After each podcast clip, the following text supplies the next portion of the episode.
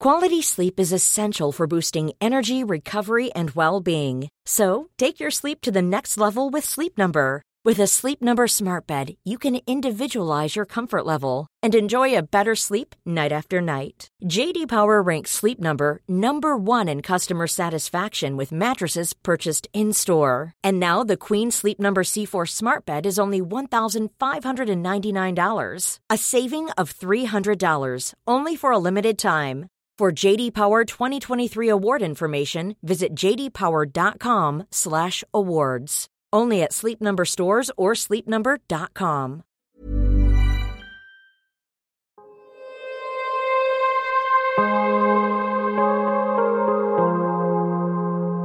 Vores mentale sundhed er nedadgående, og det er til trods for, at vi aldrig har været rigere, aldrig har haft flere muligheder og aldrig har levet længere.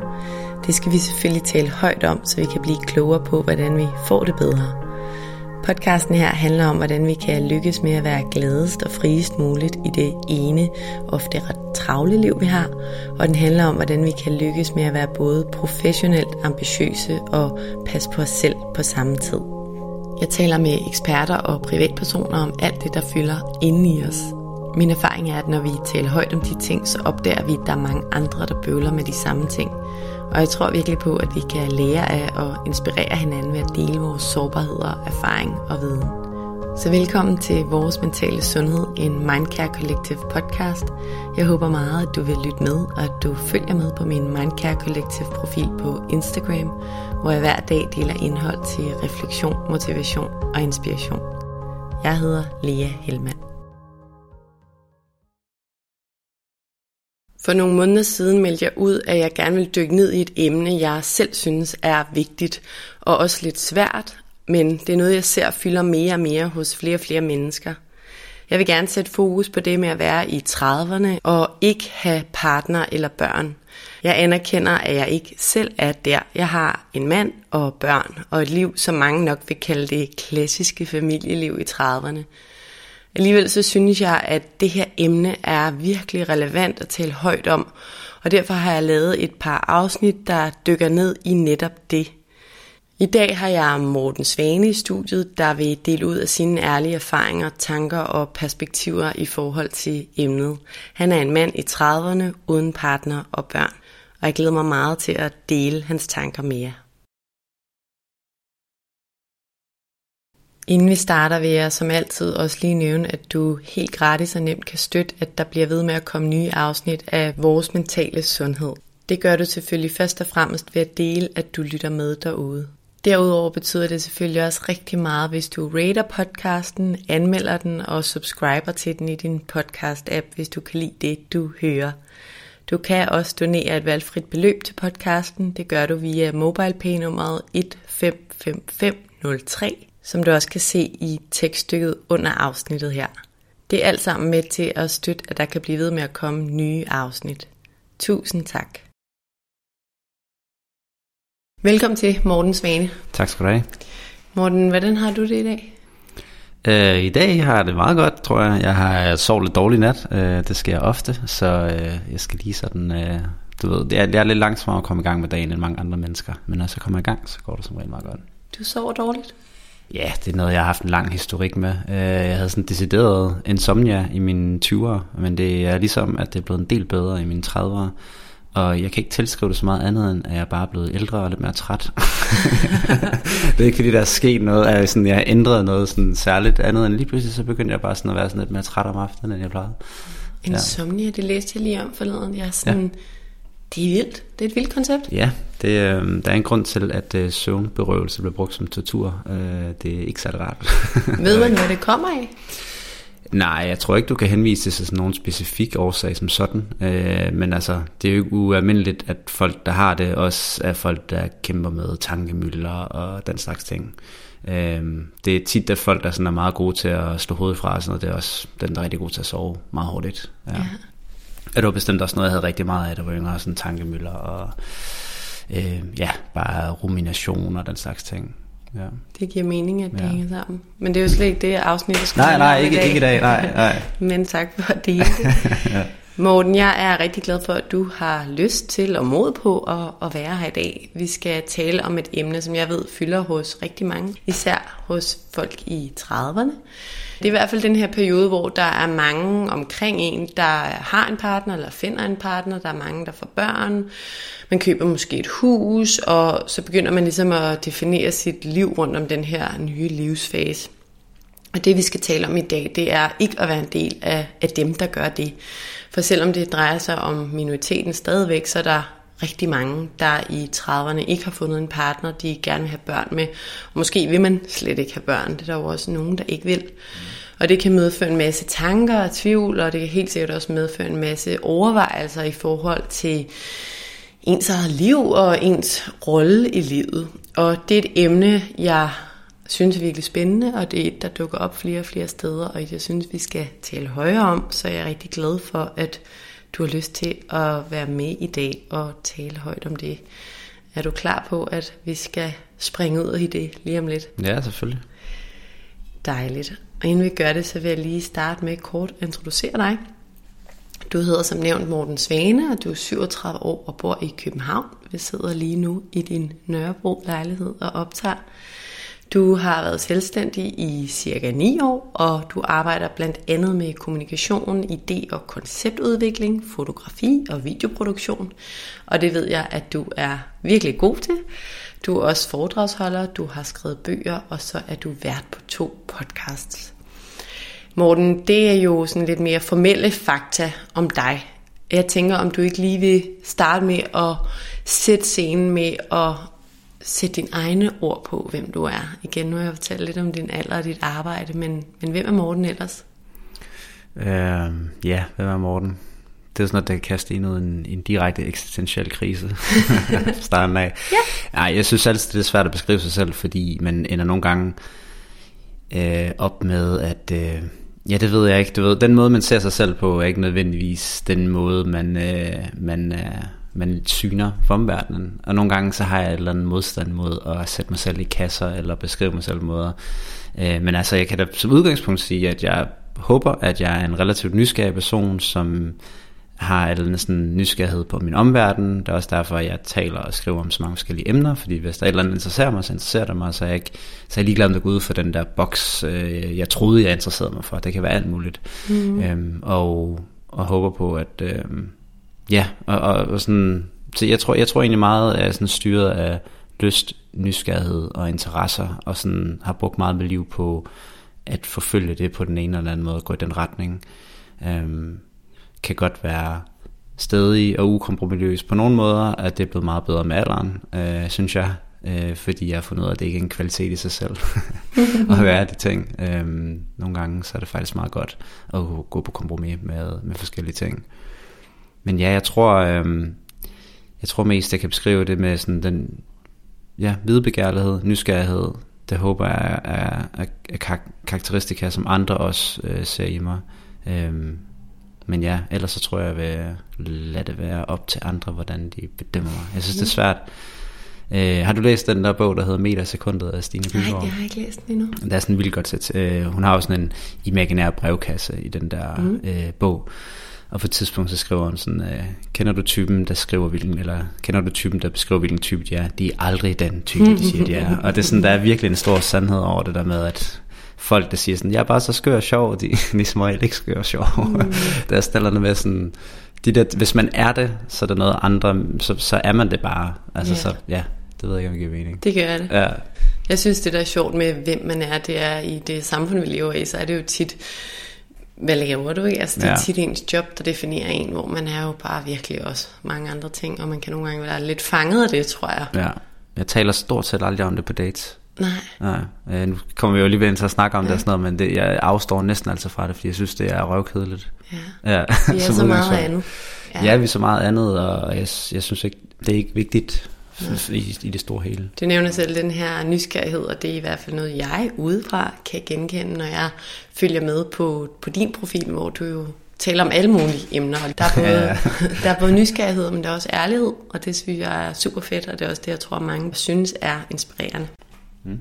Morten, for nogle måneder siden, der lagde du en video op på Instagram, apropos hvor du fortalte om de her overvejelser i forhold til at være i 30'erne, og kunne mærke, at du følte en form for sorg og fortvivlelse, når enten venner fortalte om, eller når du stødte på Instagram-opslag, der handlede om de her graviditetsoffentliggørelser. Og jeg tænker, at vi kan, kan starte der. Vil du ikke fortælle lidt om, hvad det var, du bemærkede i dig selv, at de her offentliggørelser af graviditeter gjorde ved dig? Jeg tror tak med, jeg har aldrig været sådan en, der i 20'erne forestillede mig, øh, at jeg skulle have en familie tidligt og sådan noget. Jeg tror bare, ligesom så mange andre, som går igennem livet, øh, specielt nogle af de forestillinger, man har, når man er yngre, så, så det her med et familieliv, det er ligesom en givet ting. Øh, specielt hvis man er, kommer fra en familie, hvor forældrene måske stadigvæk er sammen og den slags ting. Så tror jeg bare lidt, at man forventer, at det sker vel på et eller andet tidspunkt. Specielt når man er i de der tidlige 20'ere eller sådan til sene teenageår eller sådan noget. Så tænker man bare, at det er noget, der sker, når man er omkring 30 eller sådan noget. Ikke? Og så når man så begynder at nærme sig den alder, så går det op for en, når det sker jo ikke bare automatisk. Øh, det kan faktisk godt både være svært og udfordrende, og der kan være en masse ting, der står i vejen for det. Øh, og måske begynder ens både sådan selvbillede og billede på verden at ændre sig i takt med, at man finder ud af, at det flasker sig ikke bare automatisk på den måde. Og det er også en, en, en øh, erkendelse, jeg på en eller anden måde har skulle gøre det der med, at øh, for det første havde jeg, mm, jeg lige om, jeg havde et, et, øh, et, et ret seriøst forhold, som sluttede, da jeg var omkring det 30.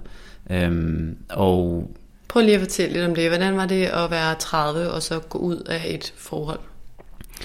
Jamen, der, der fik jeg måske lidt af den der berømte panik, der, der kan komme ind der. Øh, men, men, ind, men var egentlig nogenlunde hurtigt efter det igen okay med det, fordi jeg tror, der er, nu snakker vi om det før podcasten gik i gang, det her med, at folk skubber øh, beslutninger. Vi bliver ældre, og derfor er de fleste beslutninger også blevet forskubbet i vores liv.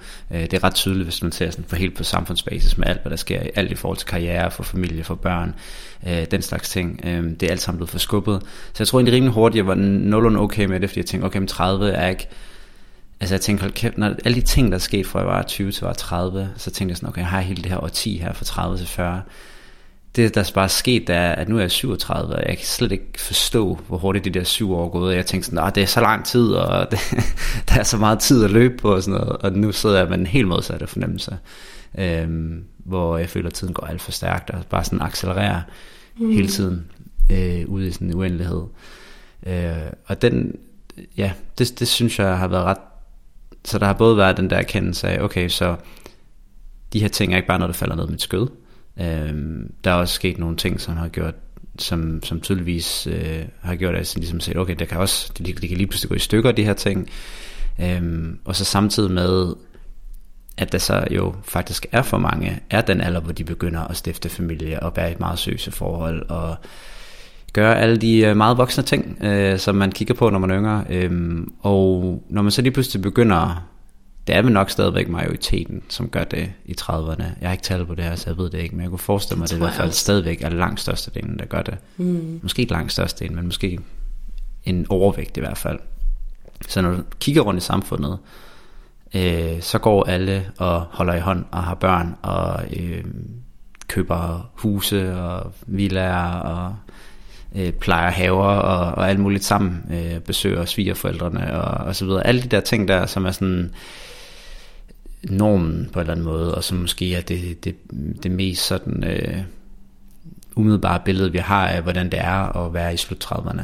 Yeah. Og når man så går rundt og er det modsatte af det, så tror jeg, man hurtigt kan, øh, kan føle sig både forkert øh, og, og bagud og alle mulige andre ting, som, som ikke er særlig rare.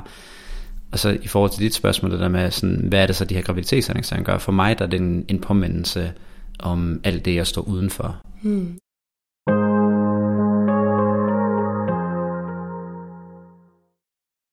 Og hvad er det for nogle følelser i forhold til det? Nu nævner du lidt her selv. Hvad er det, der fylder? Føler du dig forkert og udenfor? Ja.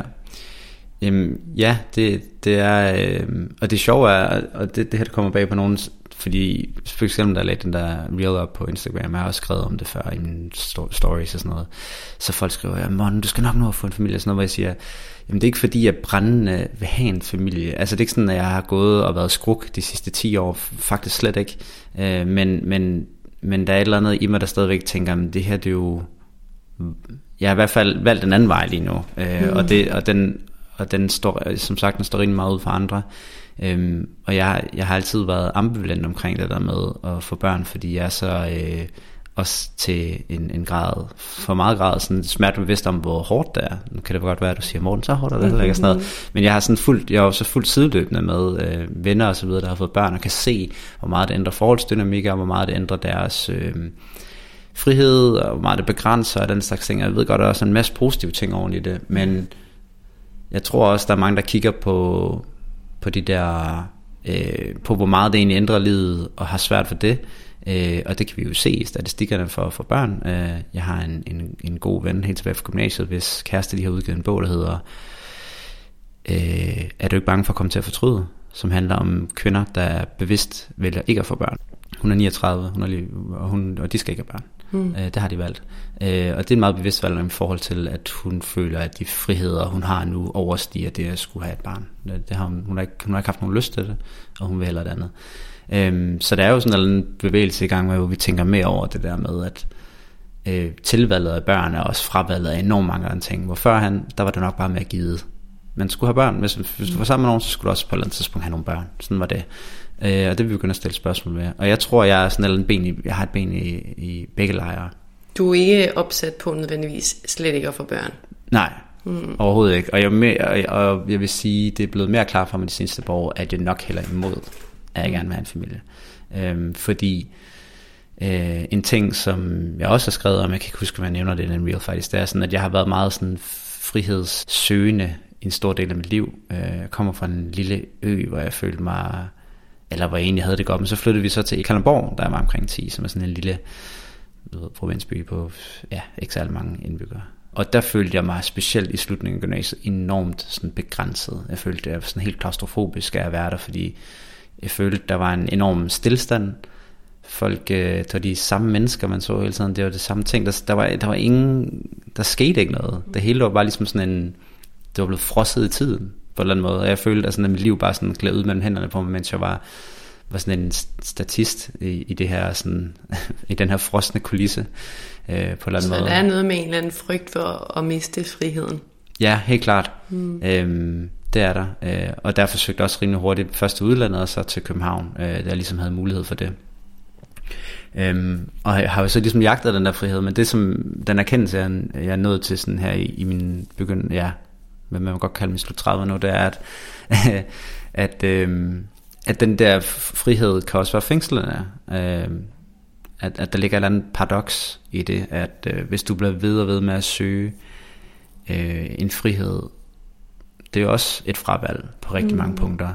Og når jeg kigger på de mennesker, som er mest fanget af det her med hele tiden at skulle have frihed, så er det også dem, der har sværest ved at etablere relationer. Det er dem, der har sværest ved at egentlig på mange punkter stille sig tilfreds med, hvad de har i livet øhm, og har, ja, har svært ved at, at finde sig til rette i, i øh, rutiner og den slags ting. Øhm, der har jeg også ben i begge lejre. Jeg kan ret godt lide rutiner på mange punkter, øh, men jeg kan også blive enormt restløs. Jeg havde mm. rigtig meget den der restløshed i mine 20'er, hvor jeg næsten ikke kunne være mig selv. Øhm, Hvad ja. det her, jeg kommer til at tænke på, øhm, som mennesker er vi jo biologisk betinget til at vil være en del af gruppen. Altså det er jo, det er jo tryghed for os, det med at være in group. Ja. Og ja, mit spørgsmål går på, når du ser de her annonceringer, eller folk, der køber hus eller bliver gift, jeg forestiller mig, det er lidt det samme kategori. Er det så også den der følelse af at, at sådan, ja, være udenfor, der skaber usikkerhed og, og sorg og tanker, eller hvad tænker du om det? Jo, helt klart. Altså det der med at stå udenfor. Mm. Øhm, det tror jeg klart er en del af det. Og det er også derfor, jeg nogle gange er lidt i tvivl om, er jeg påvirket af det? Mm. Eller er det reelt noget inde i mig selv? Og jeg har lidt svært ved at skelne mellem de to ting lige nu, eller finde ud af, hvor stærkt jeg er påvirket af at se en stor del af min omgangskreds. Øh, den førnævnte ekskæreste, som jeg nævnte, øh, som er jeg stadigvæk rigtig gode venner med. Hun har et barn nu. Mm. Ude gå en tur med hende i forgårs øh, med barnet. øh, du ved, sådan, og det er sjovt at se, at de der personer, som har været, som har været en stor del af mit liv de sidste mange år, de er jo også rykket ind i den fase. Mm. Øhm, og jeg har ligesom også af den grund fået med nogle, en del yngre venner de sidste par år, fordi at, jeg har så brug for nogen, som, som ikke er der. Som også er et sted, hvor jeg kan relatere til. Det synes jeg giver rigtig god mening.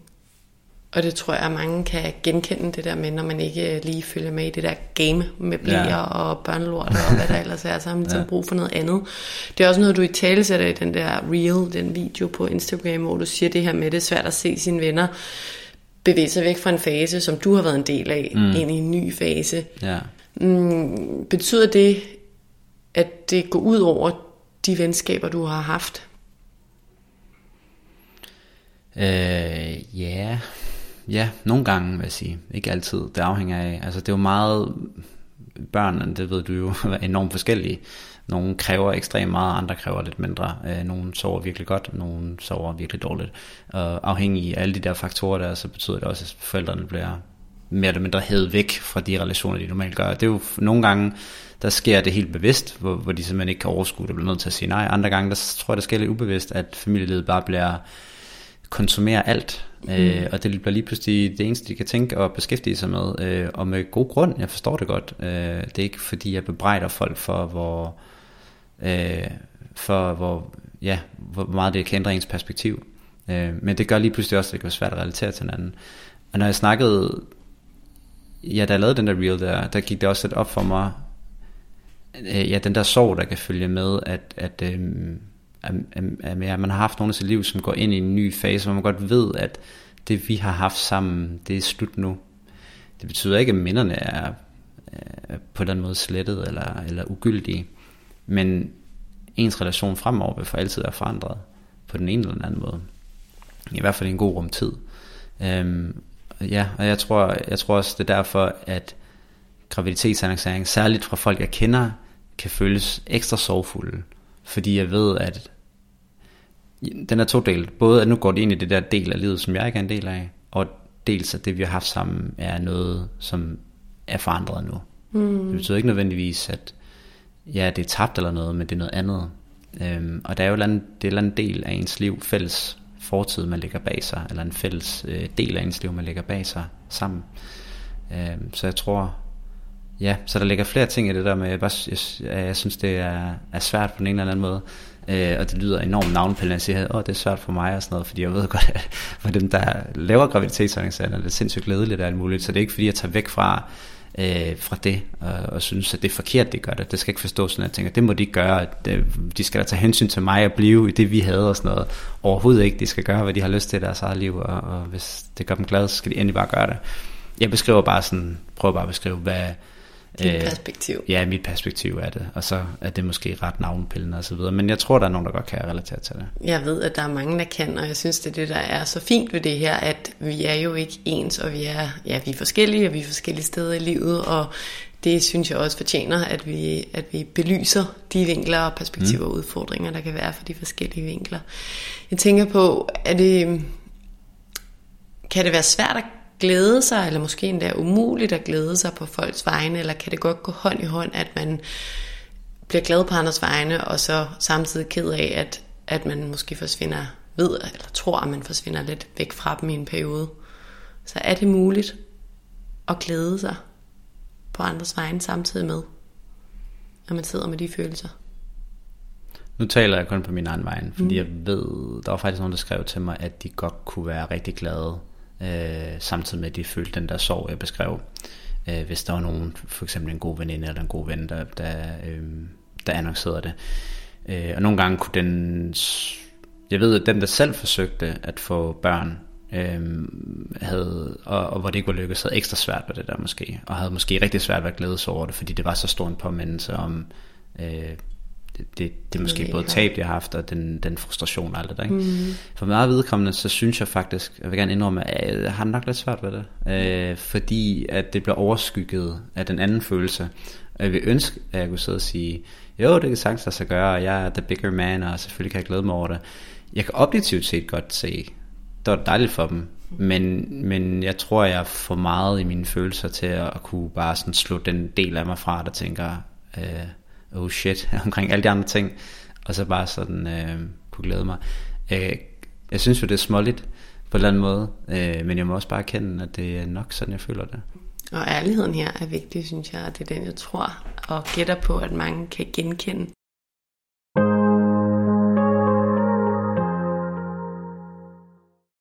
Nu bliver det et meget lavpraktisk spørgsmål, men jeg tænker bare på, hvad er dine tanker i forhold til, når man sidder som den på den anden side af bordet?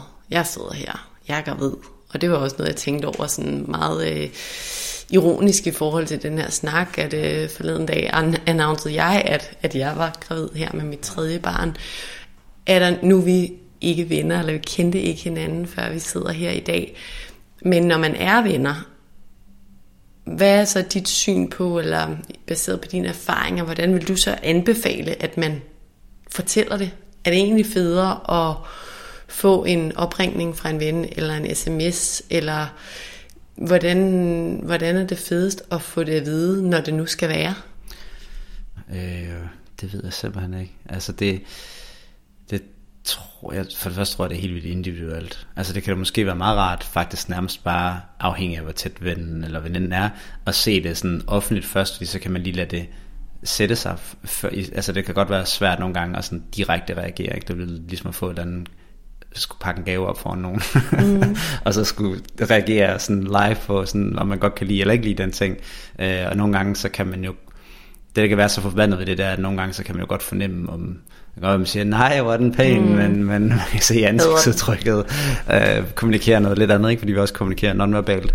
Så ja, så det vil jeg sige, det, det er nok meget situationsspecifikt. Øhm, men selvfølgelig, jeg tror, at hvis man var tætte venner eller veninder, så ville det være skuffende, hvis man sådan læste først på sociale medier, ikke lige havde fået en opringning mm. eller en besked, eller hvad det nu kan være. Ikke? Jeg går jo personligt ikke sådan vildt meget, altså det er ikke så vigtigt for mig, jeg ved, det er enormt vigtigt for nogen, hvis de er venner eller veninder med nogen, at det, det, det vil de gerne være den første til at høre sådan noget. Den del er ikke øh, noget, der sådan det, det, det er ikke definerende for mine venskaber med folk, så, så hvis, hvis de har lyst til at annoncere det på den måde først, så er det okay med mig. Men, øhm, jeg ved bare, ja, det er meget forskelligt med folk det er helt vildt forskelligt. Om de netop vil have det lidt på afstand, det tror jeg også, jeg vil. Men jeg ja. har nogle venner, jeg ved, som har været i fertilitetsbehandling, og sådan, de vil virkelig gerne have, at man sagde det til dem ja, okay. face to face. Ikke? Så og det, det har de sagt, eller Ja, okay. det talte vi om. Jeg havde en uh, fertilitetscoach med for et år siden faktisk i podcasten, som er ufrivillig barnløs. Ja. Og hun var også af, af den overbevisning, eller synes, at det vil være rarest, eller det er rarest, når folk siger det til hende, hvor der nævnte jeg også i det afsnit, at der vil jeg nok have det på en anden måde. Så ja. også bare for at belyse aspekterne af det. Ja, det der gør det svært ved det for den, der skal reagere på det, det er, at der er kun en acceptabel måde at reagere på. Og det er med glæde. Mm. Altså sådan, du er et røvhul, hvis du reagerer mm. på en anden måde. Mm. Øh, direkte eller indirekte. Og det er det, jeg synes, der nogle gange, det, det der kan være den farlige ved at, ved at, ved at skulle have folk til at øh, ja, reagere på det direkte. Mm. Hvis man ikke, og det ved jeg, at der er nogen, der ikke har tænkt over det der med, at fordi de tænker, selvfølgelig skal de blive glade over det her. Øhm, og så er der bare en forventning om, hvor man måske nogle gange ikke tager hensyn til den anden part, øh, har jeg netop været fertilitetsbehandling, eller hvad det nu kan være, fordi ens egen glæde overskygger det, og så glemmer man måske at tage, tage hensyn til det, eller hvad det kan mm. være. Ikke? Jeg ved godt, at man, du ved, jeg kan vide, hvorfor skal jeg tage hensyn til, hvad andre synes, men ja, det er selvfølgelig op til en selv, hvad man... Hvad man det er meget god stil, ikke? Jo, det er klart, men der er jo, der, jeg tror, der er nogen, der sidder og tænker, hvorfor skal jeg tage hensyn til vedkommendes følelser, hvis jeg kommer med den her mega glædelige nyhed, som jeg har lyst til at dele? Mm. Sådan tror jeg også, at der er nogen, der tænker. Altså sådan, jeg har lige fået 12 til en eksamen, hvorfor skulle jeg ikke kunne gå hen og fortælle det til nogen? Altså sådan, det er den der følelse af, at hvis jeg har oplevet noget vildt fedt, så vil jeg da gerne dele det. Øh, og specielt med dem, der betyder noget for mig. Øh, så jeg, jeg tror bare godt, jeg kan forstå, hvorfor at den der mellemregning kan smutte nogle gange, hvis man tænker på den måde, og måske ikke lige glemmer næste skridt. Øh, og alle de der for, øh, hvad hedder det, ja, forbehold og, og hvad hedder det, hensyn, vi tager. Det kan også godt være svært i dag, for der, der er mange, mange der forhold sig til. Morten, noget som folk skrev til mig, da jeg delte om det her emne på sociale medier. Der var rigtig, rigtig mange, der skrev til mig, så det fylder tydeligvis hos mange. Var det primært kvinder? Det var primært kvinder. Ja, der var faktisk ikke en eneste mand, der skrev, men der var et par, der nævnte dig, fordi mm. de havde set den, den reel der. Ja, øhm, ja. Men kun kvinder. Mange kvinder. Der er måske også et bias i, at med det primært er kvinder, der følger dig gået fra. Det er det. Ja. Og så er der nok også det element med det biologiske ur, ikke? At det, ja. vi har talt om allerede, at det er en ukontrollerbar faktor, men ja. for kvinder er det bare endnu mere presserende for det biologiske, så jeg ja. tænker, der, der er flere der, der er presset. Ja. Men noget af det, folk også nævnte, det var det her med, at man lige pludselig havde svært ved at finde nogen at tage ud at spise med, og nogen at tage ud at rejse med, og hvad med hele det der par middagsdynamik, og sådan, mm. er det også et element, der fylder for dig, det der med at være ja, den, der ikke har en partner i vennekredsen, og derfor ikke passer ind i de relationsstrukturer, eller de sådan eventstrukturer, der ligesom er?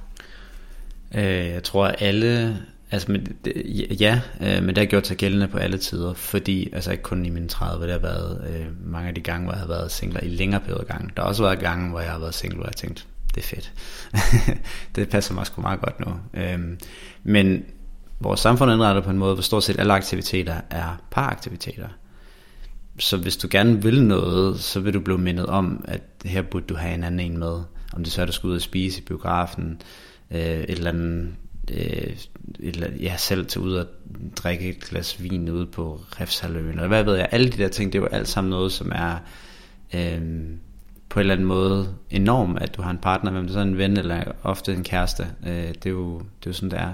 Mm. Øh, så det er jo nogle gange, altså, jeg ved, at folk, der gør det alene, skal overvinde sig selv for at gøre det. Øh, det begynder at blive mere acceptabelt i takt med, at jeg tror vi bare, at vi har ja, flere og flere singler, og, og, og folk, som begynder at... Altså på et eller andet tidspunkt går det også op for en, jeg rejser jo det også, ikke? Øh, det er ikke så lang tid siden, jeg talte med en, hvor hun netop også er single, og, og sådan i lang tid rigtig gerne har vi, øh, vi ude at rejse til et sted hen, og hun gik egentlig bare lidt og ventede på, at hun kunne tage afsted med nogen. Mm. Og til sidst, så måtte hun ligesom indse, at hvis jeg skal gøre det der, det er simpelthen for åndssvagt, at jeg går og venter på, at, at jeg ligesom får en, en, en tilladelse af samfundet til at tage afsted med nogen, øh, som tager afsted. Mm. Altså, jeg tror, der er flere, der begynder at nå til den erkendelse af, at vi kan, ikke, vi kan ikke lade vores liv stå på standby, indtil vi får en partner, og så kan vi begynde at opleve verdenen. Øh, men jeg kan da godt genkende det selv. Altså sådan, jeg er blevet tilbudt en tur til Costa Rica her for ikke så lang tid siden, og, og er sådan, og det, jeg, jeg kan mærke, at jeg, ikke, jeg har ikke lyst til at tage afsted, før jeg kan tage nogen med. Altså sådan, føler, at det, jeg føler, det på en eller anden måde spildt, hvis jeg så tager alene afsted. Det er en totalt mærkelig måde at se det på. Men det er den følelse, jeg har haft. Øh, så den har jeg bare sådan ladet ligge der gennem i lang tid. For jeg tænkte, det, det, det er mere passende, når jeg, ja, når jeg finder nogen, der kan tage, tage med på det. Og vi er jo helt sikkert, eller vi er sociale væsener, men der er også noget kulturelt i det, som ja, du ja, siger. Klar. Ikke? Jo. At det er bare sådan, vi, vi har lært, at man gør ting sammen. Ja, ja. Og selvfølgelig kunne en tur til Costa Rica alene jo også være helt fantastisk. Det kræver bare et andet mindset, ikke? Det vi jo, det er det. Det kræver en anden måde at tænke på, en anden måde at rejse på, og man mm. skal være mere komfortabel i sit eget selskab, og mm. finde ud af ting alene, og alle de der ting.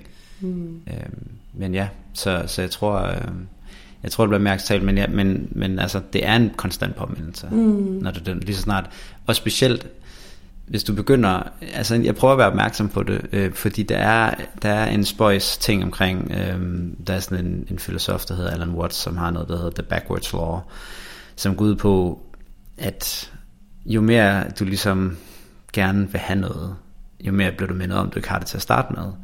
Og det og den, den, jeg har kun fundet, at jo mere jeg tænker over det, jo mere sandt er det. Uh, altså så jo mere du brændende ønsker dig en kæreste, jo mere bliver du mindet om, at du ikke har en, og derfor bliver du i dårlig og dårlig humør.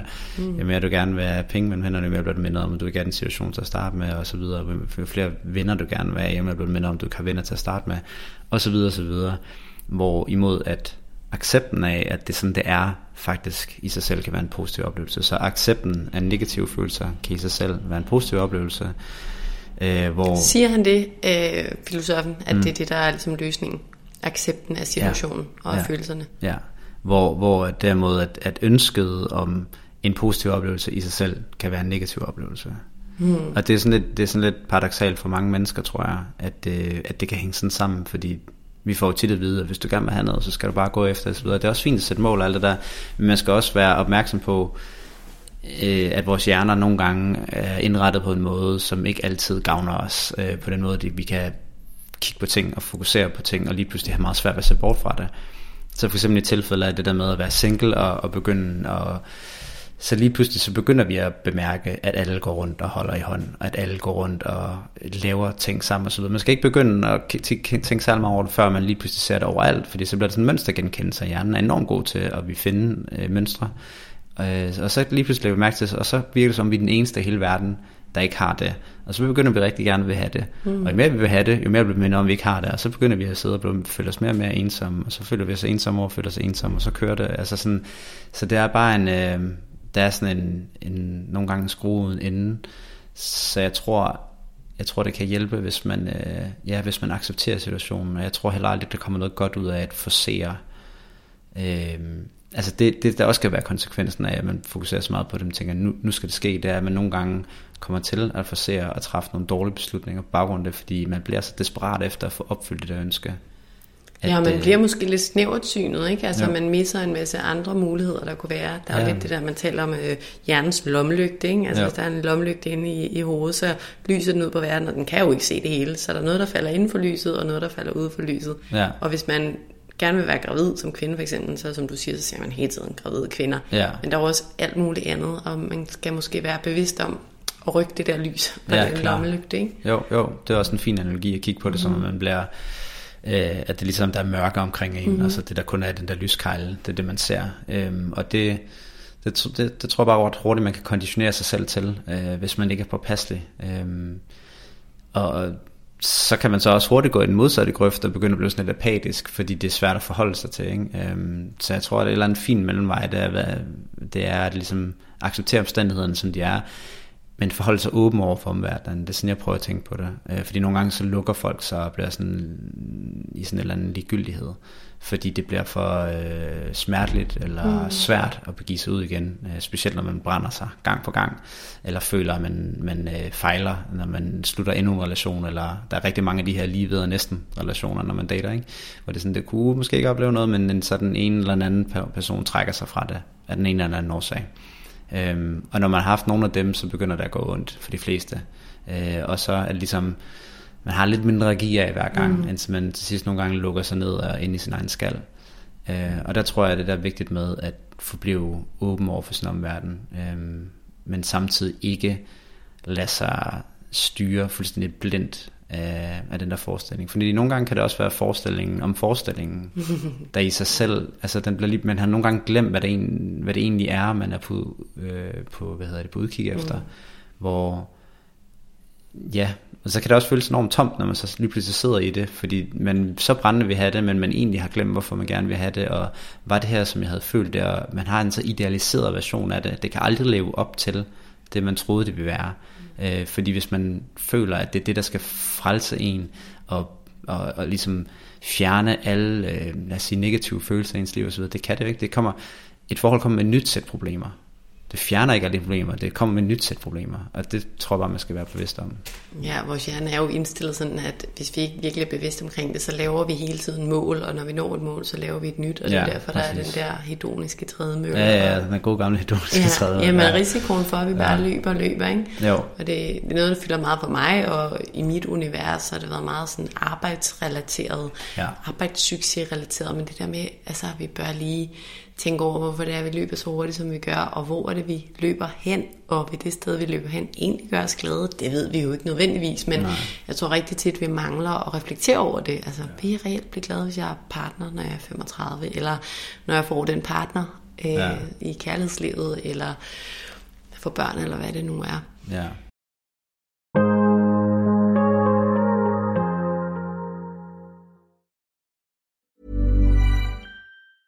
Quality sleep is essential for boosting energy, recovery, and well being. So, take your sleep to the next level with Sleep Number. With a Sleep Number smart bed, you can individualize your comfort level and enjoy a better sleep night after night. JD Power ranks Sleep Number number 1 in customer satisfaction with mattresses purchased in-store. And now the Queen Sleep Number C4 smart bed is only $1,599, a saving of $300 only for a limited time. For JD Power 2023 award information, visit jdpower.com/awards. Only at Sleep Number stores or sleepnumber.com.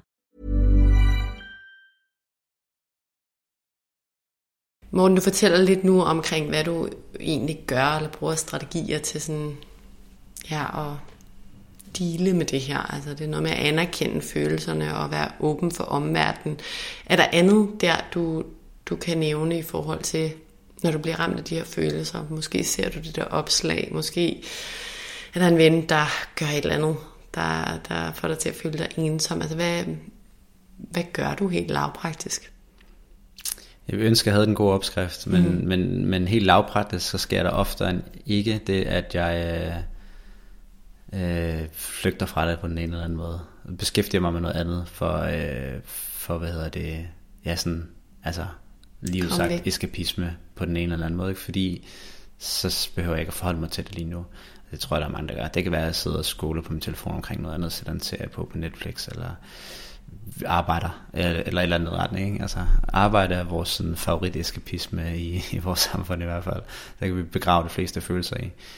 Øh, men, men ja, øh, så vi ønsker, at havde en eller anden god, øh, du ved, øh, sende opskrift for at sige, jamen vi skal bare gøre det her, sætte jer ned og meditere i 10 minutter og sådan noget. Men jeg har ikke selv fundet opskriften andet end, at, at, øh, at prøve at forholde mig nysgerrig til, hvorfor jeg føler, som jeg gør. Altså i stedet for at have en automatrespons, når den følelse dykker op, siger, jeg har det forfærdeligt nu, nu gør jeg noget andet, så siger hvorfor er det egentlig, jeg har det forfærdeligt? Hvorfor, øhm, hvad, er det, hvad er det i deres øh, situation lige nu, der gør, at jeg har det dårligt? Er det fordi, er det den der forventning om, at jeg burde være et andet sted? Er det fordi, jeg føler, at jeg er bagud? Er det fordi, at jeg reelt er ked af, at jeg ikke har nogen? Er jeg stadigvæk ked af det over min ekskæreste? Altså, er, er alle de der ting, der sådan, hvad, hvad er det egentlig, der er på spil? Øhm, bare for at prøve at forstå det bedre. Fordi nogle gange, så hvis man ikke forstår det, så bliver du bare ved med at reagere på den samme, den samme måde, som, som, som, som kan være en ret forfærdelig følelse. Mm. Øh, eller du ved, undertrykke det, indtil det så popper op på fuld knald igen. Ja, så jeg tror nogle gange, det der med at kunne gå lidt ind i det, øh, mm. i hvert fald kan hjælpe det. Fordi hvis man ikke, hvis man ikke forstår, hvor følelsen kommer fra, så, så det er også svært at, øh, at på en eller anden måde håndtere den, tror jeg. Giver det der sådan, nu siger jeg forløsning i mangel på bedre ord, men at lige dobbeltklik på det og, og skabe en forståelse og anerkendelse, som du var inde på før, af situationen og af dine følelser. Altså gør det, at det er sådan lettere lidt ind i dig? Det, det synes jeg. Øh, jeg kan ikke huske noget dag eller i går, hvor jeg faktisk også jeg blev helt vildt sur eller frustreret over eller noget. Øh, men og det var ofte sådan en automatrespons på den ene eller anden måde. Og så, så spurgte jeg mig selv, at det egentlig er det, er det en færre sådan respons, jeg har lige nu på det her? Sådan, hvad, hvad er det egentlig sådan reelt, jeg er sur over? Er det mere bare mig selv? Og du ved, sådan, hvor, hvad, altså, hvad er det, det sådan, rører i mig på en eller anden måde? Hvor, øhm, ja, hvor kommer det fra? I stedet for bare sådan reagere blindt på den der følelse. Øhm, og lige den, i nogle situationer kan jeg godt finde, at det kan sådan øh, demontere den der begyndende eskalation af følelsen, fordi at jeg på en eller anden måde øh, afmontere. Altså det er svært at blive ved med at eskalere det der loop, hvis du på et eller andet, på et eller andet tidspunkt sætter en kile ind, og så lige spørger sådan, hov, hvorfor? Øhm, så, så det har jeg, altså nogle gange kan du godt være, at du får et svar, der ikke er så rart. det er også en mulighed, men i mindste så har du en form for ærlighed at forholde dig til, i stedet for bare sådan den der blinde reaktion på det. Mm. Så, jeg, så jeg tror, jeg synes, at nogle gange kan det godt give sådan en, en form for forløsning, hvor det godt kan opløse den der med at sige, ja, hvor man, hvis man kan pege det et sted hen, eller ligge det et eller andet sted og sige, jamen, det var måske bare fordi, at det der skete også i forgår, så det kan jeg mærke, det byggede faktisk videre på et dag, og i virkeligheden, og jeg så heller ikke godt i går, og så måske, altså sådan, jeg overreagerer måske også en lille smule på det her, og, øhm, og må, måske er det helt, altså sådan, burde det være sur over det her, det er ikke helt fair, at de oplever det der, hvad har det egentlig med mig at gøre? Altså sådan, du ved, det der med, jeg tror bare, hvis man begynder at stille de der spørgsmål, så kan der nogle gange komme noget godt ud af det. Ja. ja. Det jeg synes er ret interessant ved psykologien, fordi jeg kan genkende meget af det, du siger. Jeg har har nævnt før, at jeg har gået i alle mulige former for terapi, og psykoterapien er jo meget det der med, sådan, hvorfor har vi egentlig den der følelse, og hvad der ligger til grund for det, og ligesom omfavne sig selv lidt i det, og sådan give sig selv en krammer og lige forstå det, og være sådan, ja, det er super nederen, men nu forstår jeg. Men så er der også den metakognitive strøm, der er meget det andet, ikke? Så så var sådan, nu laver jeg noget andet, eller kigger på det, jeg var i gang med, og glemmer det lidt. Og det har jo også vist, eller det viser jo også rigtig fine øh, retter, eller sådan hjælp til folk med ja, bekymringer, angst og stress og alt sådan noget. Hvad siger du, den metakognitive... Terapi, det er meget sådan, at man skal være doven i forhold til sine tanker, og at ens sind ligesom selvregulerer. Så de tror på, at forskning inden for det metakognitive gør op med det kognitive, som netop er, at man skal dykke ned i det. Ikke? Jo, det der med, sådan, at man bare skal være i... Ja, det, man skal, altså, man skal se det som den støjende radio i baggrunden, men ligesom være doven i forhold til det, og ikke gå ind i det. Ja. Og der det kognitive går jo meget ind i det, og det mm. metakognitive ignorere det, eller som Pia Kallesen kalder det, at dårne i forhold til det. Ja. Og der kan man jo vælge at fokusere på opvasken, som man var i gang med, eller arbejdet, Ja. eller kigge på sit barn, eller fokusere på sin vejrtrækning. Og jeg synes bare, det er en fair pointe, at for mig i hvert fald, og det er også det, jeg fornemmer, når jeg taler med folk, at der er nogle ting, der virker nogle gange, Ja, ja. og til noget. Ja. Og det synes jeg bare er et vigtigt perspektiv, fordi når man øh, beskæftiger sig med det, jeg gør, og også til en høj grad det, du gør, så nogle gange kan det også blive sådan lidt, så er det det, der er det rigtige. Ja, altså, ja, der er mange måder at nå til Ja. på. Ja. Og øh, jeg er også begejstret for det metakognitive og ACT og så videre, altså Acceptance and Commitment Therapy og så videre. Der, der er mange, øh, jeg plukker lidt rundt omkring, hvad jeg kunne bruge. Jeg har også selv været et forløb, hvor det var mere baseret på netop ACT og noget mindfulness og noget metakognitiv lidt forskellige og så videre, øh, som var sindssygt brugbart for mig i forhold til for eksempel rumination og tilbagevendende negative tanker der, der, i, i forhold til det virker det rigtig godt for mig. Der virker det ikke helt vildt godt at dykke sindssygt meget ned i det. Men når det kommer til de der automatrespons, som jeg nogle gange har på situationer, hvor det ikke nødvendigvis er øh, øh, ja, øh, ekstremt negative tanker eller lignende, der, der kan det godt virke for mig at lave sådan det der, lige det der selvtjek og spørge, hvor, hvor, øh, hvor det stammer fra. Øh, fordi ja, så på en eller anden måde så disrupter jeg, øh, jeg hader det ord, men øh, af, hvad hedder det? Afværg. Ja, præcis. Ja. At tankestrømmen fortsætter mm. ud i en uendelighed.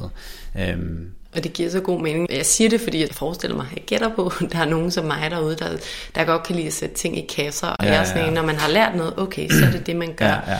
Og for mig har det bare været rigtig fint at, at, at anerkende den der balance i, okay, nu er det det her, der virker, skal jeg lige prøve noget andet af nu. Ja. Og det er jo ikke altid, man lige ved, hvad det er, der virker, men sådan, at vide, at man har det der sæt af redskaber tæt på sig og til rådighed, som ja. Man ligesom kan prøve af. Jamen, jeg har, jeg, jeg, tror, jeg har ændret min syn en del på sådan den traditionelle kognitive terapi de sidste par år. Fordi det er bare sådan lidt en, vi har accepteret som værende løsningen på, øhm, ja, på svære problemstillinger i vores liv, hvor vi lidt har opereret for den her tanke om, at hvis du på en eller anden måde får en indsigt i dig selv, og en, øh, ja, en indsigt i, hvor, hvor er roden til derhenne, så vil det ligesom kulminere i et eller andet kognitivt Big Bang, der på en måde forløser dig og opløser alle dine problemer, og så kan du ligesom som et eller andet tabula rasa, øh, nulstillet menneske, fortsætte derfra, uden at de der tanker skulle genere dig igen, og det passer bare ikke.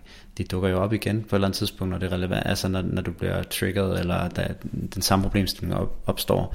Og der er jeg også selv løbet hovedet mod en mur flere gange, hvor jeg sådan har spurgt, hvad skal jeg så gøre, når mm. det her det kommer? Og så har jeg fået sådan nogle latterlige forslag. Sorry, men det har jeg. Øh, du ved, der var en der psykolog, der foreslog mig, så rør dig selv i hovedet, og sådan selvkærlighed. Og jeg var så, det kan, Det jeg kan ikke det kan jeg ikke bruge til noget som helst. Øh, hvor at det sted, hvor jeg virkelig har fundet noget brugbart, det har været i det der sådan, ja, det forløb, jeg talte om før med, med ACT og nogle andre forskellige ting. Jeg faldt lidt i tvivl om specifikt, hvad for en metode det var. Men det handlede mere om at sådan, ja, sætte en kile i den der tankestrøm på en eller anden måde ved, for eksempel at lave sådan en tje- en check ind i sin krop og sådan, mm. øh, altså sådan, så man ligesom, ja, ikke bare fortsætter med den der tankestrøm der, øhm, og lade Og fodre de der tanker. Ja, præcis, og være, og være i dem, og acceptere mm. dem, og lade dem så, altså, øhm, lade dem komme, og lade dem gå igen, mm. agtigt, ikke? Ja. Øh, og det har været langt mere brugbart for mig, end, end, det, end det andet. Jeg synes, det er en rigtig vigtig pointe, du har, det med, at altså, tankerne kommer formentlig ikke til at stoppe med at komme. De Nej. kan nok reduceres, men Ja. ja. jeg kan også huske, at jeg sagde til faktisk hende psykoterapeuten, jeg lige refererede til før, jeg var sådan, ej, kan jeg godt stoppe med de her tanker? Hjælp, det, det er det, jeg vil have hjælp til. Hvordan stopper de her? Så hun ja. bare sådan, Lea, det kommer aldrig til at stoppe. Ja. Men du kan lære, hvordan du er bedre med dem, eller netop, hvad du kan gøre, når de så kommer. Ja. Det synes jeg er en, en vigtig pointe. Ja, meget. Du fortalte i starten, Morten, eller du lavede lige en kommentar omkring dating. Jeg kunne godt tænke mig at høre lidt om det i forhold til at være der slut 30'erne, når man begiver sig ud på en date, fordi det jo er så normalt i samfundet, at du ved, vi skal have kernefamilie, og det er det, vi alle sammen stræber efter. Nu siger jeg det selvfølgelig sådan karikeret, fordi det er det ikke, men det er det, Det er normen. Ja, det er Ja. normen, og det er det, samfundet dikterer. Ja. Er det noget, du, du i tale sætter det her med ja, din situation, og din alder og dine ønsker for livet, når du er på date? Ja, ja. Altså, der er jeg blevet rimelig kold i røven. Øh, Forstået på den måde. Og jeg har også overrasket nogle gange, hvor hurtigt jeg har sådan bragt det op omkring sådan... Fordi jeg føler lidt, at man spiller hinandens, eller sådan, jeg tror bare, jeg er blevet for gammel til sådan at bullshit rundt, eller sådan, jeg gider ikke det der spil øh, mere, altså sådan, jeg synes ikke, det er det vigtige. Øh, så hvis de allerede ved nu, altså, der er også det mærkelige, i hvert fald for mænd her i slutningen af 30'erne, det er, at der er ligesom to typer af kvinder, du, du tiltrækker. Der er meget unge kvinder, eller så er det nogen, som øh, er lige der, hvor de gerne vil have børn her nu. Mm. øh, og sådan rimelig sådan lige op over. Ikke? Øh, hvor også fordi mange af dem, der måske er i slut 20'erne, sådan, de, de, bare, de er faktisk tit sat i forhold og så videre. Det er ligesom, du har den der, der er så tidligt i deres liv, at de ikke er blevet sat i det forhold nu, og så har du dem, som har været igennem det så enten så har de måske allerede en eksmand og børn og alt muligt, eller så er de der, hvor de har været i længere forhold, som er lige gået i stykker, og nu vil de gerne efterlade noget nyt, og det må helst gerne gå ret hurtigt. Øhm, så, det er, øh, så det er et ret relevant spørgsmål for mig ofte, at spørge det der sådan, med, altså, specielt hvis det for eksempel er en, der er lidt yngre, sådan, så, altså, forestiller du, at du først skal have børn om 10 år? Fordi hvis svaret er, ja, jeg har en ret klar forestilling om, at jeg gerne vil køre karriere de næste 8-10 år, så er det nok ikke godt match til mig. Altså mm. sådan, sådan er det, det er jo bare realiteten. Øh, og så hellere få det på bordet nu, end at skulle finde ud af det sex date længere, hvor man lige snakker casual om det, og så siger de også, at jeg har faktisk også vildt meget fokus på det her med karrieren. Og, ja. Synes du det er irriterende, eller er det egentlig okay? Det der ja. med at skulle i tale sætte det så tidligt? jeg er blevet okay med det, fordi hvis det ikke kan håndtere det, så, så er vi heller ikke noget match. Altså sådan, jeg bringer mange ting på banen tidligt. Jeg tror, der er mange, jeg har i hvert fald hørt nogle gange på dates, de overrasker over, hvor hurtigt, at, at ligesom der dykker ned i ting, som regel på en positiv måde, at de synes, det er rart. Øh, så jeg tror bare, jeg er en person, hvor man hurtigt når derhen. Mm. Så, og hvis man ikke kan lide det, så skal man nok ikke bruge tid med mig. Mm. det tror jeg ikke, øh, fordi det ligger bare til mig, at øh, ja, som jeg siger, sagde, sagde tidligere, sådan, jeg synes ikke, det er spændende at snakke, øh, altså have de der overfladiske snakke og sådan noget. Det, der er en, ja, der reagerer jeg bedre på nogle andre ting, øh, og spørger nok ind til nogle andre ting der, mm. end mange andre vi har gjort, øh, eller måske også gør, det ved jeg ikke, men, men øh, ja, så jeg, jeg, jeg synes ikke, det er irriterende som sådan. Jeg kan godt synes, at fornemmelsen ikke at have så meget tid, kan godt være irriterende altså den der luksus, man havde i, man godt bare kunne lige se, hvordan tingene udspillede sig i 20'erne, den gad jeg godt at have nu. Altså den, den føler jeg ikke, jeg har længere. På, mm. Altså, det var også meget en af de ting, der var et problem i mit, i mit sidste forhold øh, med min ekskæreste. Hun var også ret ung. Og der var den der, jeg havde, jeg, jeg følte ikke, at jeg lige kunne sådan, lad mig lige se her om et års tid, hvordan det går. Øh, og så må vi tage den derfra. Jeg følte ikke, jeg havde en luksus af at bare kunne vente på den måde, fordi så var det jo gået endnu et år. Og så er jeg blevet endnu ældre, og så er jeg endnu mere travlt, og alle de der ting, som jeg tror, der er mange, der godt kan genkende. Og nogle gange, der tror jeg bare, det er rigtig destruktivt, for jeg tror, man skal, man skal, man skal lidt på en måde, altså lade som om man har den tid. Mm. Fordi igen, når det, det går tilbage til det, jeg snakker om tidligere, med ikke at forsere beslutningerne og så videre, men man kan også ligesom man kan forsere dårlige beslutninger, så kan man også måske komme til at kortslutte de gode beslutninger ved at være så meget ved sit hoved og regne frem og tidsregninger, og jeg kan ikke vente på det her, du skal være afklaret nu og så videre, som gør, at man måske presser nogen ud i en situation, de ikke føler, de kan leve op til, øhm, eller sætter dem under et enormt pres, på den, fordi de, lad os sige, at, ja, at, de, at de er et sted, hvor de, der er jo ingen mennesker, der kan give garantier. Og hvis du står og sådan holder på, du skal kunne love mig, at du vil have børn om to år. Altså sådan, det, det er fandme et stort pres at sætte på folk. Ja. Øh, og det var også det, jeg hørte fra min ekskæreste. Ikke, altså, jeg gav hende overhovedet ikke ultimatum på den måde, men hun følte, at hvis hun at hvis, øh, hvis det ikke gik, som vi håbede, så havde, så havde, jeg, så havde vi spildt min tid. Hmm. Og jeg kunne godt se, at det var en, det er en forfærdelig følelse at sidde med. Det er da ikke fedt, at hun skal føle, at, at hvis det ikke går, som vi havde håbet, så, så, min, så har hun berøvet mig for noget af mit liv på en eller anden måde. Altså vi er jo to om det, og vi er to til at træffe beslutningen og så videre. Øh, det er jo ikke sådan, at, at hun er enevældig i forhold til at ødelægge mit liv, eller sådan. Mm. Øhm, og jeg tror bare, der er mange, der, der, der dater deres 30'erne, som ender op i den der, det der tidsparadox, øhm, hvor de ikke føler, at de har tid til at lade tingene udspille sig. Det skal gå lidt stærkt, og man skal være hurtigt afklaret. Mm. Øh, og det nogle gange presser folk ud, både til at træffe nogle dårlige beslutninger, og til at øh, gå ind i nogle ting, der kunne have været rigtig godt, fordi man simpelthen ikke giver det plads og tid til at leve.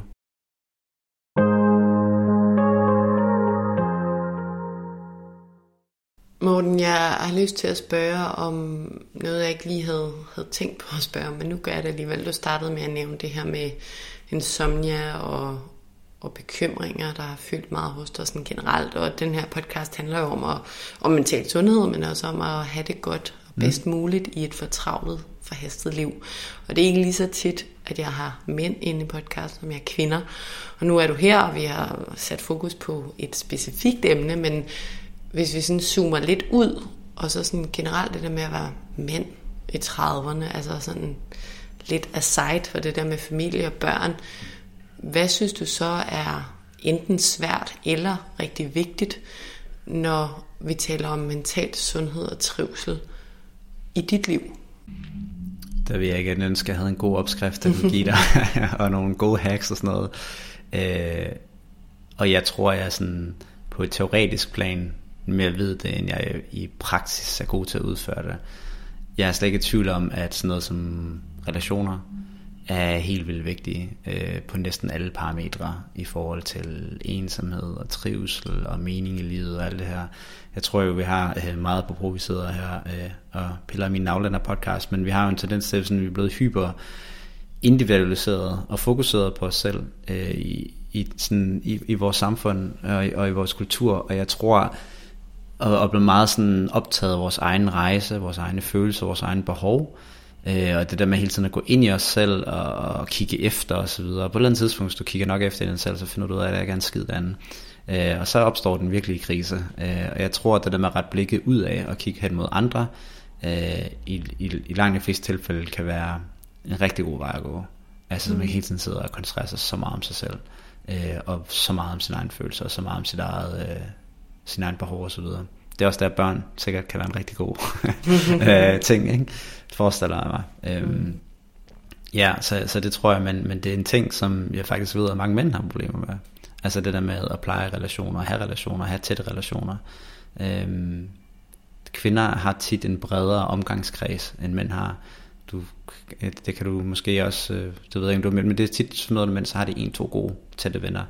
Øh, du ved, hvor kvinder, de har tit sådan helt sæt øh, de mødes med. Øh, det giver sig et helt andet, har jeg set, har jeg observeret på, på afstand, et helt andet øh, problematik i forhold til, så er der nogen, der kryds og tværs bliver øh, først frosset ud af de der vennegrupper og kommer ind i varmen igen, og, og der, altså sådan, der er sådan en helt sådan særlig dynamik i de der kvindegrupper, jeg synes er rigtig interessant. Øh, men det er måske noget, der kunne lave en, en podcast om. Mm. Øh, det har jeg altid kigget på, og synes, det, var en meget, det er en meget lidt umiddelbar dynamik, hvor mænd er mere sådan umiddelbar. mere umiddelbar i det. Ikke altid, men det bliver sagt lidt mere tydeligt ofte. Mm. Øh, og jeg har lige prøvet det der med at fryse folk ud af vennegrupper, øh, men jeg har set det så meget øh, ved kvindegrupper, okay. altså med, med sådan noget, hvor de er 5, 6, 7 veninder, så lige pludselig så er der en af, en af dem, der ikke bliver inviteret med til en fest, og, og hun har også sagt noget der, der var lidt irriterende, men de har ikke sagt til hende, hvad der var, der var irriterende, så i stedet for at sige det, så lader de bare være med at invitere hende, sådan nogle ting. Ja, ja. jeg føler måske lidt mere, det var, det var yngre kvinder. Jeg synes ikke, jeg, jeg er også meget fortaler af tilhøjende ting ja, ja, generelt, ja. Men, øhm, men helt sikkert er kvinder ja, altså jeg har bare set også sådan, nogle kvinder i slut 20'erne, start 30'erne og sådan noget, også der men altså, det er klart, at i teenageårene er det endnu mere udtalt. Ja, ja. Men der er jo helt sikkert det her med, at kvinder ja, ofte har rigtig mange bekendtskaber. Ikke altid, men ofte, og det skaber bare... Jeg tror især det der med, hvis man ikke er eksplicit om sine behov og sine ja. følelser, så kan det bare skabe alle mulige misforståelser. Og hvis ja. man ikke har modet til at sige det, det er også nogle gange svært, ja. så kan det virkelig blive svært. Ja, mm. Jamen, det, det tror jeg, du er ret i. Øhm, men ja, jeg, jeg synes det med relationerne, jeg vil ønske, at jeg var bedre til det. Jeg tror, jeg har... Øh, øh, jeg har brugt meget af min tid på jagt, øh, arbejde og de der ting, som du også nævnte, og jeg er gået på kompromis med, altså sådan, det har jeg sat højere end at pleje relationer og sådan noget. Det er jo en ting, jeg forsøger at ændre nu. Øh, jeg er ikke altid succesfuld i det, men fordi det er nemmere at default tilbage til det, man kender. Jeg er god til at arbejde, god til at arbejde meget. Øh, jeg har altid været det. Øh, eller ikke altid været det. Jeg, da jeg fandt mine ting, jeg gerne godt kunne lide, mm. øh, der arbejdede jeg på lidt løs. Øh, og nu prøver jeg sådan at være bedre til at delegere min følelse og mening ud til andre ting i livet, så det ikke hele ligger i det der skide arbejde der. Øh, men så ja, jeg tror relationerne er vigtigt. Hvis helt lavpraktisk, så synes jeg bevægelse er helt vildt vigtigt. Og jeg snakker ikke om, du behøver at løbe maraton, altså bare gå en tur, mm. øh, være udenfor, bruge tid udenfor og sådan noget. Det ved jeg en ting, hver eneste gang jeg gør det, er jeg altid bedre humør, hvis jeg har brugt lang tid udenfor. Øh, jeg begyndt hver eneste weekend at, at bruge Altså fordi nogle gange så har jeg haft en tendens til, at det er weekend, og slår bare af og sådan noget, men jeg prøver altid at være ude nu her, hver eneste lørdag og søndag, bare sådan gå nogle lange ture, være ude, gøre nogle ting og sådan noget. Det hjælper meget. Øhm, ja. Relationer, bevægelse. Jeg ved, jeg ved, altså sådan, det er jo virkelig nogle relativt simple ting, tror jeg, men det er svært for mange alligevel. Altså det kan godt være, at jeg siger relationer, men relationer er ekstremt komplicerede. Mm. Øhm, det ja, så det er også det der med at få det prioriteret. Ikke? Jeg tror, at rigtig mange ved rigtig mange af de ting, der bliver det, nævnt. Det. Og det er jo de samme ting, der bliver nævnt det, det, i de det, der det, bøger ja, og så videre. Vejrtrækning og lidt meditation, pause, søvn, hvad det nu er. Den ene, det, ja. det er lidt afskygning af, af hinanden. Det der med at få ro i sit parasympatiske system. Ja. Noget bevægelse, noget kost og sådan. Men jeg tror også bare, at vi, vi glemmer lidt at prioritere det nok. Ikke? Vi ved godt, der er noget, altså det fysiske er vi bedre til at tage os af, end for eksempel det mentale, som også kan være pausen, ja. eller, eller de gode relationer, der faktisk giver en energi, i stedet for at gøre alt det, man også bare burde. Og sådan. Ja, ja. Altså jeg tror også, i det der med relationerne, der ligger også implicit i det, at øh, finde nogen, du kan tale med. Mm. Altså øh, mand eller kvinde. Øh, det ved jeg i hvert fald er rigtig vigtigt for mig. At jeg har nogen, jeg kan dele øh, ting med. Øh, og der har vi i hvert fald lidt statistik på, at mænd oftere sidder med nogle ting. Det er blevet bedre, men oftere sidder med nogle ting, som de ikke føler, de kan sige til nogen, eller ikke har nogen, de kan dele det med på en eller anden måde, eller er bange for at sige det højt for at blive stemplet som umandig, eller svag, eller hvad det nu kan være. Og der vil jeg bare altid være fortæller til for at finde nogen, øh, hvis du befinder dig i en gruppe, hvor det ikke er tilladt at sige den slags ting højt, så find dig nogle nye venner. Find en altså sådan, det, er ikke, det kan godt være, at man tænker, at jeg vil hellere have mine venner, men hvis du øh, sidder og bliver med med miserabel hen over tid, fordi du føler, at der er nogle ting, du kan, kan sige, uden at du bliver dømt, eller øh, hvad hedder det, letterligt gjort. Ja, så som, i hvert fald finde nogle supplerende venner, hvor du kan det. Um, der kommer et, øh, et afsnit dedikeret specifikt til mænd og ensomhed, ja. som netop handler om det her med, at mange flere mænd, end vi går og tror, er, er ensomme. Ja, fordi ja. det er kvinderne, der ligesom fikser, at vi lige får set øh, ja, ja, ja, familien, og når ja. venneparet skal på besøg, så er det kvinden, der, der sørger for det relationære, manden, der ligesom henter grillen i garagen. Ja, ja. Ikke? Nu sætter jeg det på spidsen. Men, Hvordan er det, man siger, det er også sådan, altså, når sådan, øh, ved skilsmisse, så er det ofte mændene, der går i opløsning, ikke? Mm. altså efter det der, fordi det er netop kvinderne, der har fungeret som lim på alle de sociale, og alle det praktiske, og alle de der ting, ikke? Øh, ja. Morten, for lige hurtigt at vende tilbage til det der, som, som podcasten faktisk centrerer sig omkring med at være single i 30'erne. Ja. Nu sidder jeg på den anden side af bordet og øh, har det, som man definerer som en kernefamilie. Hvad kan folk som mig gøre, når de har venner som dig? Nu sætter jeg det sådan rigtig op øh, på den ene og på den anden side i sin vennegruppe. Hvad er det, man, man bør gøre, eller ikke bør gøre, eller bør være opmærksom på? Som ven eller veninde, der har kernefamilien, men gerne vil ja, være god over for, for ham eller hende, der ikke er der? Det er et godt spørgsmål. Øhm, jeg tror, man når langt ved bare spørge i virkeligheden. Altså sådan, jeg ved nogle gange, så er der nogen, der ligesom lad os sige, at jeg har siddet her og beklaget mig en time over, øh, hvor hårdt det er at se på det der. Så er der måske nogen, der lytter til det. Øh, og tænker, om så skal jeg kan vide, om øh, Brian også har det sådan. Øh, jeg må hellere lade være med at nævne det her. Jeg, jeg skærmer ham fra den her del af mit liv, øh, for at spare ham og, og tage hensyn. Og, og det er nok det, jeg vil sige, det er nok en misforstået hensyn. Hellere spørge ham, har du lyst til at inkludere dig i de her ting, i den her del af min familie, har lyst til at være en del af det, så kan du jo få et nej eller ja. Altså man skal så bare altid kun spørge, hvis man har lyst til at høre svaret, og det ærlige svar. Ikke? Øhm, så, men jeg, jeg synes bare, man er langt ved at spørge, i stedet for at altså, jeg synes, alt dårligt kommer ud af at antage ting. Hver eneste gang, jeg har lavet store fejl i mit liv, så er det fordi, jeg har antaget noget, uden bare at spørge. bare lige spørge først. Er det sådan her, det forholder sig? Øhm, ja, vi kan sgu ikke regne ud. Vi ved knap nok, hvad vi selv tænker, og, så det er meget svært at, at forestille sig, hvad andre tænker. Hvad hedder det? Men ja, jeg tror, at man var langt ved at spørge. Øhm, jeg har en rigtig god ven, som har to børn, og du ved, de, øh, og det, det har, jeg har været en del af en del af de ting, der lavede. Jeg var over bo hos ham i perioder og sådan noget, hvor hvor øhm, ja, jeg har været en del af alle rutinerne og sådan noget, og det har været skide hyggeligt, så det er ikke fordi, at jeg ikke kan lide den del af det. Mm. Altså sådan, så det vil være, hvis han, havde, hvis han havde tænkt, jeg skal ikke inkludere Morten i noget som helst af det her, fordi at jeg ved, at øh, han ikke er der i sit liv, eller hvad det nu kan være, så det tror jeg, jeg har været ked af det over mm. det. Øhm, så helt klart, jeg tror, man er langt med bare at spørge, øh, om man har lyst til. Ja, kommunikation. Endnu en gang. Ja, endnu en gang. Det aller sidste spørgsmål, som jeg altid stiller, hvis du skal nævne en eller to ting, råd eller erfaringer, som du gerne vil nævne, eller gentage til lytterne, baseret på ja, dit liv, din historie, noget du mener, folk måske kan tage med. Hvad vil du så nævne? Den ene, det er helt klart det der med at forblive åben over for omverdenen. Jeg synes, det er enormt vigtigt. Og jeg siger kun det her, fordi jeg selv har en tendens til at lukke mig, når, det, når jeg har brændt mig nok, eller når jeg har øh, fået nok. Altså sådan, datinglivet i, i hvert fald i København øh, er nu øh, 2023 øh, og fremadrettet sikkert også, vil være en, en, en, en perlerække af opfattede fiaskooplevelser. Øh, men det er en del af det jo også. Sådan, man kommer ud og møder folk, og det er langt fra altid, det, det, det, det fungerer. Øh, og de der fiaskooplevelser, der gør, at man godt, i hvert fald hvis man har sådan nogle tendenser, som jeg har, sådan lige så langt som godt kan lukke sig lidt mere, og blive sådan lidt mere forbeholden, og lidt mere øh, øh, pessimistisk. Øh, og, og så kan jeg godt for, nogle gange så har jeg brug for at trække mig lidt, tage en pause, og så komme tilbage med fornyet sådan energi, og, og, og, og sådan øh, glæde over det osv. Men, men jeg oplever også nogen, der ligesom aldrig åbner sig igen, og bare sådan forbliver lukket i et, øh, i et forsøg på at beskytte sig selv.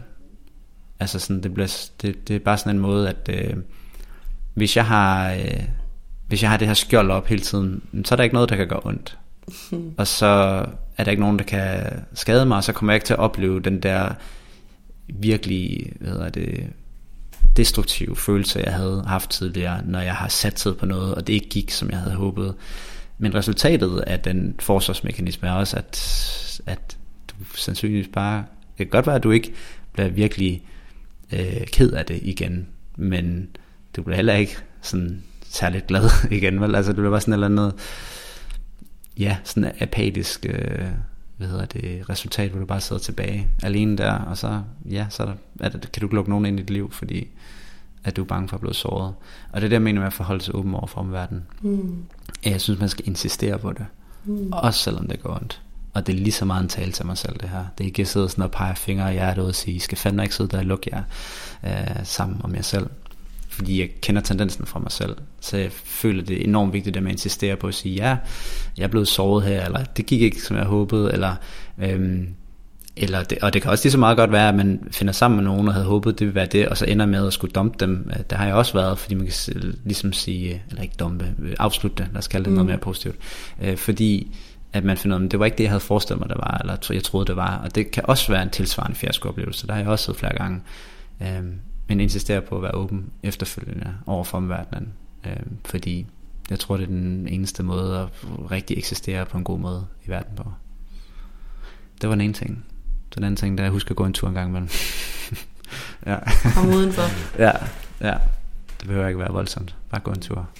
Jamen, det kan gøre så meget. I stedet ja, for at sidde der i sofaen, ikke? Jo. Kom ud og mærke naturen ja. og verden. Tusind tak, fordi du havde lyst til at være med i dag, Morten. En af grundelementerne for, for Mindcare Collective og for podcasten, det er ærlighed og sårbarhed og i talsættelse af ting, der kan være svære at tale højt om. For jeg tror i hvert fald personligt på, at vi kan lære af og inspirere hinanden, hvis vi tør at gøre det. Så tusind tak, fordi du kom. Selv tak.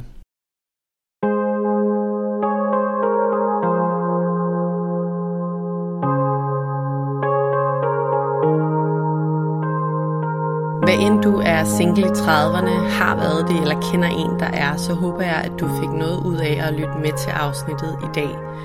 Her til sidst vil jeg ikke sige så meget andet, end at jeg helt sikkert tror, at vi, som Morten peger på, kan få noget ud af at omfavne svære følelser, i stedet for bare at skubbe dem væk.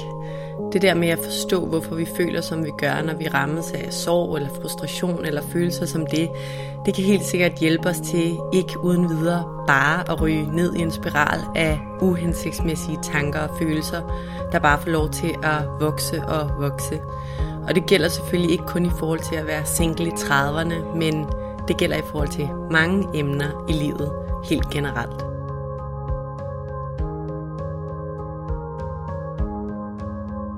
Og så bare en lille note om næste afsnit, hvor jeg har psykolog og parterapeut fra Pral i studiet.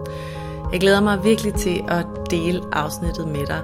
Det handler om, hvordan vi kan passe på vores forhold på lang sigt, når vi lever i en moderne verden, hvor vi har travlt.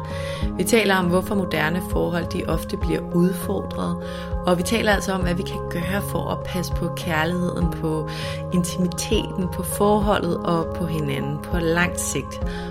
Vi kommer både forbi emner som, hvad vores opvækst og barndom har af betydning for, hvordan vi er i forhold.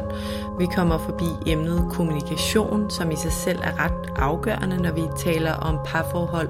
Og vi taler om alt fra sex og forældreskab og intimitet til at sætte grænser og meget mere. Frej han kommer med konkrete redskaber til at passe på forholdet på lang sigt. Og jeg lover, at afsnittet giver inspiration og stof til eftertanke. Tusind tak, fordi du lyttede med i dag. Hvis du kunne lide det, du hørte, så husk, at du nemt og gratis kan støtte podcasten ved at dele, at du lytter med på sociale medier. Husk at tagge Mindcare Collective. Det betyder helt vildt meget. Hvis du kan lide podcasten, kan du også støtte den ved at rate eller anmelde den i din podcast-app, og ved at trykke på subscribe-knappen. Så ved du også altid, hvornår der udkommer et nyt afsnit. Det er alt sammen med til at støtte, at jeg kan blive ved med at lave nye afsnit af vores mentale sundhed. Som det sidste vil jeg også bare lige nævne, at du selvfølgelig altid er velkommen til at række ud, hvis du har feedback, idéer eller noget på hjerte, du gerne vil dele med mig. Du kan skrive til mig via min Instagram-profil Mindcare Collective eller via min hjemmeside mindcarecollective.com. Tak fordi du lyttede med.